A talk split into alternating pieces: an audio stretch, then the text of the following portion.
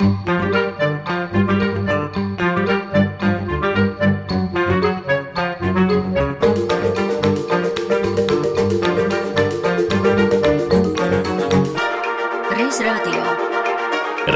radio ar šodienas skatu pagātnē. Par radioklausītāju lielo interesi liecina viņa daudzās vēstules, ko mūzikas raidījuma redakcija saņem ikdienas. Šajās vēstulēs visbiežāk ir lasāmi vārdi - lūdzu atskaņojiet, un tad seko dažādu skaņdarbu nosaukumi. Tāpēc mūzikas programmā vienmēr ir atrodami veltījumu koncerti, kuros savas iemīļotās melodijas dzird dažādu profesiju darbinieki. Tie ir koncerti, ko vēlas dzirdēt mūsu radioklausītāji un pēc jūsu vēlēšanās draugi. Tā 1977. gadā grāmatā 28 stundas diennaktī rakstīja bijušais radiodarbinieks šīs grāmatas sastādītājs Boris Hiršfelds. Tiesa, tur gan nebija pieminēta šo raidījumu veidotāja, mūzikas redaktora Marija Janmēja. Par laimi pēc vairākiem gadiem otrajā Latvijas radio veltītajā grāmatā varam lasīt bijušās radiožurnālistes Anitas Danosas atmiņas par Mariju. Viņa smalki izjūt mūziku un savus koncertus prot sakārtot tā, ka ar katru nākamo skaņdarbu ievēl klausītāju aizvien dziļāk pašas iecerētajā noskaņā. Marija arī ir brīnišķīgs, sirsnīgs cilvēks, un droši vien tādēļ viņu tik daudzi mīl. Un šie vārdi tika rakstīti laikā, kad jau vairākus gadus ēterā bija skanējis Marijas Janmējas veidotais apsveikuma koncerts vienīgi jums. Allaž vitālu, pilnu enerģijas, vēlīgu un omulīgu, tādu Mariju atceras ik viens no mums radio ļaudīm, kam gadījies viņu sastapt Doma laukuma astoņi ēkā. Pati Marija jau krietnu laiku ir pensijā, un uzrunāt šim raidījumam viņa atsaka. Ko tad es tev jaunu pastāstīšu? Paklausies, ko esmu teikusi taviem kolēģiem viņu raidījumos un tev pašai pirms pāris gadiem. Tā es domāju un teicu tad, un arī tagad man ir tādi paši uzskati. Tā Marija Janmēja no manis atgāņājas pa telefonu. Tā kā viņas bijušās tuvākās kolēģis radio klasika meitenes viņu mīļi dēvēja par māti Mariju, Tad arī es zinot, kad mamma ir jāklausa, pārcilāju jau notikušās intervijas un piedāvāju tās arī paklausīties jums, lai tie, kas atminas reiz skanējušos veltījumu koncertus, iepazītu to redaktori mazliet tuvāk. Radio Marija Janmēja ienāca 1965. gadā kā toreizējās konservatorijas studente. Bija vajadzīgs kāds cilvēks, kas kaut ko kārto, tur kartoteka vai ko tur liek kartotekā iekšā. Nu, var sakot, kādu darbiņu man deva, to es darīju. Un tas bija tā interesanti, man patika. Un tā pamazām man ievilka iekšā radio. Līdz beidzot atbrīvojas vieta cilvēkam, mūzikas redakcijā, redaktors, kurš gatavo koncertus pēc radioklausītāju vēstulēm. Koncerts saucās, ko vēlas dzirdēt mūsu radioklausītāji un ko viņi tolaik vēlējās dzirdēt, ņemot vērā tā laika iekārtu. 60. gadu beigas, tad bija laba jau iekārta. Hruščova atpūsnes. Tieši tā. Tad mēs varējām vāciešus daudz raidīt, un viņi prasīja itāļus. Man bija no Latvijas cirka viena meitene pazīstama, ka viņa bija Itālijā, un viņa atved tādas platītes, tas maziņās, kuras pie mums vēl nebija. Tur bija Čelentāno un, un, un mazais Robertino Loretti jau bija jau paudzies, jau kā liels vīrs jau dziedāja. Man tādas platītas bija. Protams, mēs no Maskavas ar šo to saņēmām Fredijs Kvins, tas bija ļoti daudz un pieprasīts. Und das Herz war ihm so schwer. Doch es blieben ihm zwei Freunde, die Gitarre und das Meer. Jimmy wollte ein Mädchen lieben, doch ein anderer kam daher. Und als Trost sind ihm geblieben die Gitarre und das Meer. Juanita hieß das Mädchen aus der großen fernen Welt. Und so nennt er die Gitarre er in den Armen hält. Ob am Quai von Casablanca, ob am Kap von Salvador. Nāca 70. gados iekšā. Jau no Maskavas jau bloķēja, jau tādas mūzikas bloķēja. Viņi mums jau piesūtīja sarakstus, ko no viņiem jau atsūtītās mūzikas, kas pie mums atrodas, jau nedrīkstam raidīt. Un kas tie toreiz bija? Jā, vienu brīdi bija miguļā aizliegts Tukumāno dziesmas, vienu brīdi bija aizliegts ansamblis plāmja, dažas dziesmas samatsvetiem. Tad, kad Ļaunķevs jau sāka, arī viņam bija dažas dziesmas aizliegts. Tad Krieviem bija ļoti labs dziedātājs um, Sergejs Zahārovs. Viņš bija kaut kādas sadzīves apstākļu dēļ uz skatuves. Nu, kaut kādam partijas funkcionāram bija kaut ko vai pateicis, vai varbūt arī drusciņa pamīcījis aiz kulisēm, kā nākās par to, ko viņam nodarīts ir, un par to viņa ielikt cietumā. Līdz ar to šie ieraksti man bija bloķēti. Остыли реки, земля остыла, И чуть нахохлились дома. Это в городе тепло и сыро, Это в городе тепло и сыро, А за городом зима, зима, зима. Hinaus, hinaus, dāļ, Tāpat kā savā laikā arī Andrija Lichtenberga dziesmas par to, kad uz skatuves ir kā kādam nepatika, kā viņš bija uzvedies. Un atceros vēl vienā eh, rudenī nāk oktobra svētku, un viņam ir bijis tā sapulce, viņš izsaukts kultūras ministriju, kur nu it kā viņu tos ierobežojumus dod un viņas sod, un viņš atnāk apsēžas pie mana galda, un es tik ļoti pārdzīvoju vēl Tagad es pat mierīgi par to nevaru runāt. Ka es viņam saku, nu, pasak man, ko tu nostrādāji. Es nevis vairs par cilvēku domāju, bet es tikai par to saku, Andrej, tagad nāk oktobra svētki, konstitūcijas diena, oktobra svētki, bet tu vispār saproti, ko tu man esi izdarījis. Man nav ko raidīt. Tevi tagad raidīt nedrīkst, tad ko tad es spēlēšu? Tikai tīrs krievs. Viņš tā uz mani skatās, nu, kad nu, viņš jūtas tā kā vainīgs. Vai nu kāpēc man tā vajadzēja darīt?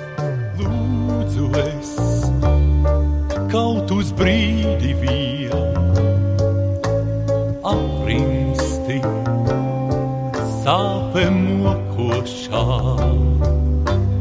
pārvērties zilā mākonī un lido prom uz zimto pusi, tik projām uz zimto pusi, gaišais krasts ļaujies saredzams, iztālē, miglas klajumos, gaišais krasts, maigi saucošais, vai gan man pietiks?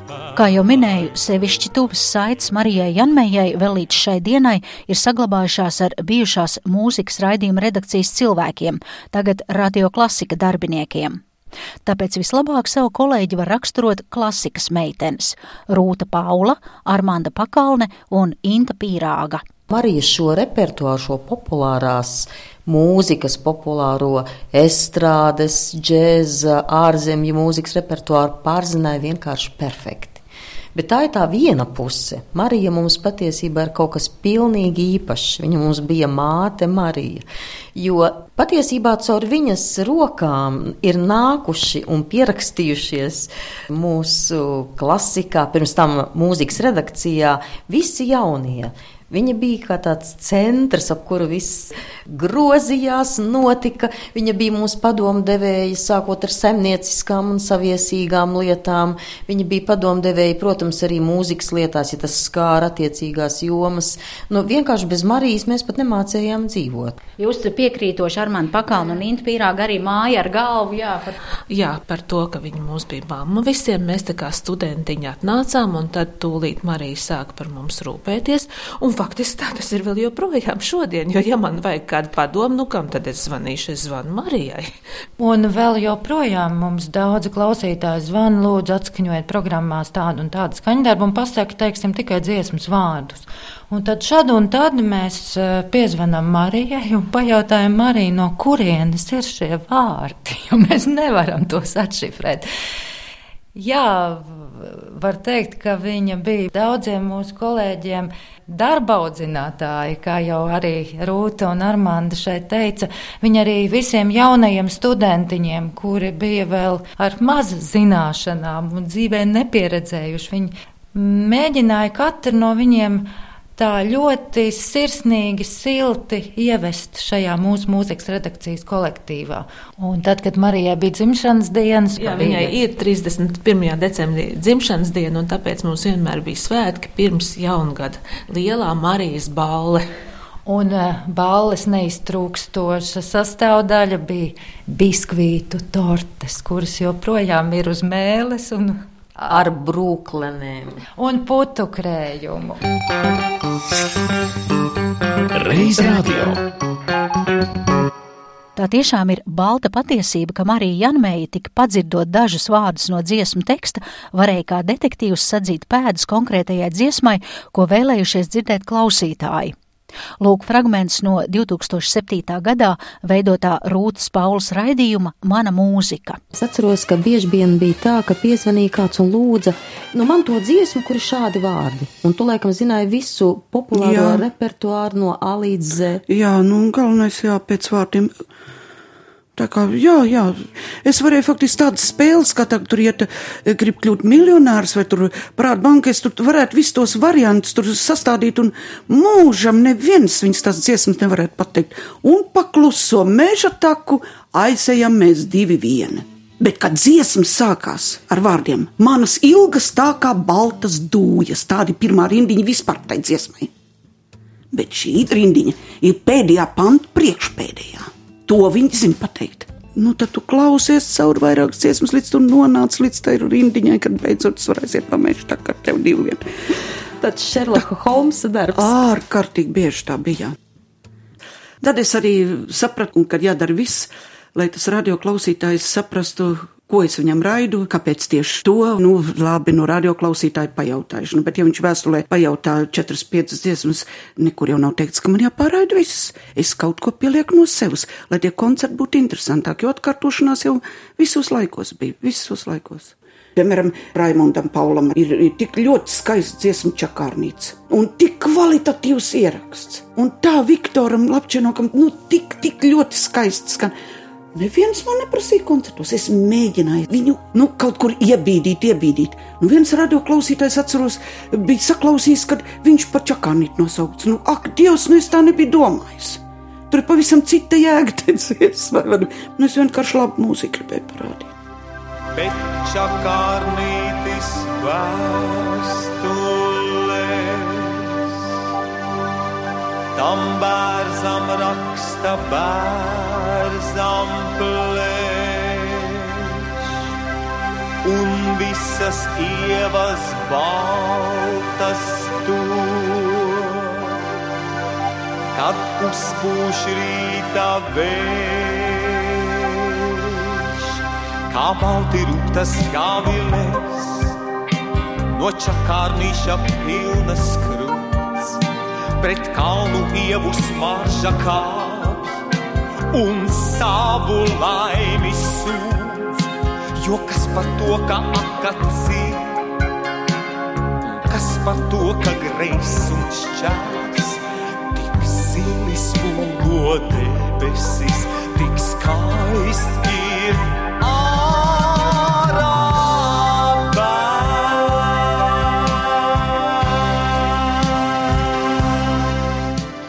Atgriežoties pagājušā gadsimta 70. un 80. gados, kad Marija Janmēja sastādīja koncerts pēc radioklausītāju vēstulēm, rakstīja arī darba kolektīvi, bija jāatskaņo mūzika dažādu profesiju atzīmējamās dienās, jāsumina darba pirmrindnieki un, protams, jāspēlē tam laikam atbilstoša ideoloģiski vēlamā mūzika. Kā radio atmiņu grāmatā rakstīja bijusī mūzikas redakcijas vadītāja, nu jau mūžībā aizgājusi Diana Albina, kur starp citu arī bija tā, kas uzaicināja Mariju šai mūzikas raidījuma darbā, tad viņa rakstīja šādi. Ja pārbaudīja radio mūzikas redakcijas darbu, tad tūlīt interesējās, cik daudz procentuālā izteiksmē skan dziesmas ar padomju tematiku, kā atzīmējam neskaitāmās svētku un atceres dienas, padomju laikā populārās dažādu profesiju un armijas ieroču šķīru svētku dienas. Bija tādi obligātie koncerti, kuru programmas redaktori sastādīja zobus sakoduši. Tik tālu Diānas Albinas atmiņas. Un reiz vien arī Marijai Janmējai nācās savos raidījumos spēlēt obligāto repertuāru, taču viņa iemanījās atskaņot ēterā arī pa kādam tā laika režīmam nevēlamam gabalam. Lūk, ko viņa pati stāsta kolēģim Raitim Kalniņam pirms 15 gadiem Raita veidotajā raidījumā Kā no plaukta. Bet, nu, tur Franks Sinatra pēkšņi kaut kur uzstājies un ne tā pateicis. Nu, tad tādā laika posmā viņš tiek aklīs ņemts ārā. Bet es koncertu noraidu bez pieteikuma, un es nesaku, kas dzied. ja? Kaut radio klausītāji ar mani cīnījās, bet tieši šī apsvēruma dēļ, ka tad es varēju iebīdīt iekšā arī to, ko pārējie nevar raidīt un ko varbūt pie mums tika aizliegts. Reiz radio. Ārpus radio vēstuļu koncertiem Marija Janmēja ar, kā toreiz teica, vieglās estrādes mūzikas ansambļiem un dziedātājiem brauc koncertēt uz rūpnīcām, kolhoziem, zivju fabrikām un padomju saimniecībām. Īpašas reizes šādiem koncertiem bija komunistiskās talkas dienās. Ja negribēja radio mājā trepas mazgāt, tad varēja piedalīties manos koncertos rūpnīcās, bet tie koncerti nedrīkstēja notikt tādās labās telpās, teiksim, kultūras namos, tādās sarkanajos stūrīšos, saucamajos. Man bija jāsagādā tāda telpa, kur tas mans kolektīvs no radio, tie mūziķi, stāv pie darba. Galda, kur ir tie strādnieki strādā. Un, un viņi muzicē? uztais, jā, viņi uztais vienu stundu pārtraukumu, un es dodu pusdienas pārtraukumā veselu stundu. Tiešā pārraidē es dodu koncertu komiskās talkas dalībniekiem. Un mūziķis stāv fabrikā, talkās uz Jā, bet nu, es pārsvarā vedu dabīgi mazo sastāvu no estrādes orķestra, un mums bija štata darbinieku solisti. Žoržs Siksnā. Žoržs Siksnāja, Kukule, Ingus Petersons. Komunistiskā sestdienas talka un šie nosauktie mākslinieki, piemēram, rūpnīcā darba spars, ir pusdienas pārtraukums, Nu, viņi kāpj uz skatu. Kolhozā uzvara. Lielupē. Tad faktiski tā bija tā labākā vieta. Tur man iedeva tādu lielu cehu. Nu, pēc zivīm smaržoja, bet nu, tas taču nekas. Pie tam vēl situācija tāda, ka viņi bija apģērbušies vislabākajos stērpos, kādi viņiem ir radiotērpi. Es atceros uz Rīgas vagonu rūpnīcu. Mūs ielaida tādā angarā, kur laikam ražoja vai lidmašīnas, vai vagonus, vai ko. Tur praktiski nebija grīdas, bet tur bija tāds klonis, eļļains klonis. Es iepriekš esmu izpētījis, es saku Alnam Zaķim, Alni, nesūti lūdzu savu orķestri vislabākajā klozē. Es saku, vismaz bikses, lai atstāja katrs tas savējās mājas, ar ko ir ieradies. Un ko Alnis man pateica? Pie strādniekiem mūziķi izies vislabākajā.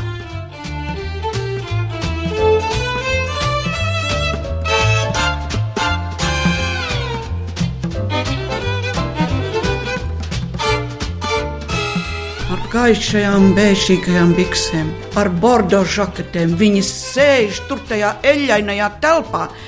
Oi, nu tā man bija. Tā es translēju koncerts. No VF vairāk kārtīgi es translēju, bet tur jau bija glaunāk tie cehi. Nu, interesantākais jau man bija padomas saimniecība Rīga. Aiz biķernieka meža tur bija tomāti, gurķi un salāti. Un man tagad tā atbildīgā persona no viņa puses skaidri un gaiši pasaka, puķis mēs pasniegt nedrīkstam, jo puķis vispār nedrīkst atrasties tūmā. Nezinu, kas ar tām puķiem var būt kāda inde, bet pie ēdamiem nedrīkst. Un es tagad translēju koncertu, es runāju to tekstu, kas tur notiek. Es tagad saku, nociet Žoržs Siksna, un tagad es redzu, nāk viena darbiniece. Zaļš viņai kaut kas rokā ir tāds uz centimetru 30, varbūt garāks. Kaut kas tā kā vienā galā druski dzeltens, es saku, laikam tagad pasniegs kādu puķi tomēr. Es pie sevis tā atkārto, bet no radio klausītāju to dzirdu. Izskatās toreiz modināts tie japāņu lietasargi. Es domāju, tā kā lietasargs, bet vai tu žoržam kāds lietasargu nestu? Izrādās, ka tas bija garš gurķis, un tam gurķim galā ziets bija dzeltens. Nu vienkārši kolosāls apsveikums. Tavā lukturī uguni lej, varbūt tur mīļa saulītē muļķīte smēj. Vējiem un vietavām nolemtā vientuļi spīd. Debes rudruda ķirzakā pāritai slīd. Cidrā kā no puta šūpojas, pati pēc tāds. Zaļu smaržā skuguntiņā, bezvaigžņu nakts. Un, ja mēs atceramies brīvvalsts laikus, jau neatkarīgo Latviju, nu, vairs jau šāda cenzūra tad nepastāv. Tautas fronts laikā jau mēs, eh, ne es, bet faktiski tāds bija pēdējo ziņu redaktors Vaira Ribule un Līvija Šupulniece, kad jau citās republikās, jau Lietuvai, kā Igaunijā, dodot komerc koncertus pa naudu. Cilvēki paši maksājot un dod apsveikumu koncerts. Pārējot to, ko vēlās, bet par naudu. Tad mēs sapratām, ka nu, laikam mums arī uz to komerciju jāpāriet. Nu, un viss uzreiz pievērsa skatu man, ka es varētu būt tā redaktore, kas dod šos koncertus. Cilvēkiem jubilejās, un tā mēs sākam. Tad jau sāk vēstules nākt, un tad jau repertuārs jau bija tā, ka es dziedāšu par tevi tēvzem, piemēram, katrā koncertā bija seši apsveikumi uz vienu dziesmu. Seši jubilāri runājam, runājam, pie dziedāšanas netiekam. Un, kad es jautāju Ventim Zilbertam, viņš bija mūsu koncertmeistars radio, un es viņam saku, tu biji tagad ārzemēs, nu kā tur tas notiek? Paliec mierā, viņš saka. Ārzemēs tiem sešiem tev būtu jāraida katram atsevišķi, jāpastāst un jānoraida tā dziesma, un nākošajam atkal tu noraidīji to pats, jo viņš par to ir samaksājis naudu. Nu, tad man vairs iebildumu nebija.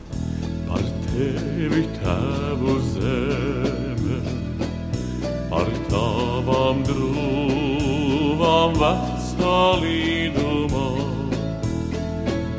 līdz pārušu zem smagās dzīves nastas, tādā dusēšos tavā atmakā.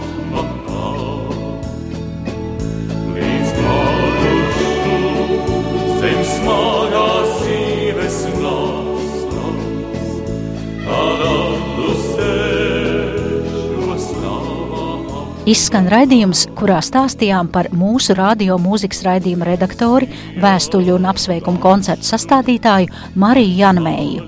Raidījumu veidoja Zane Lāce.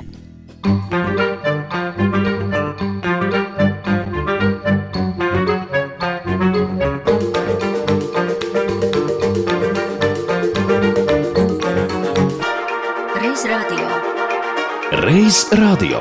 Ar šodienas skatu pagātnē.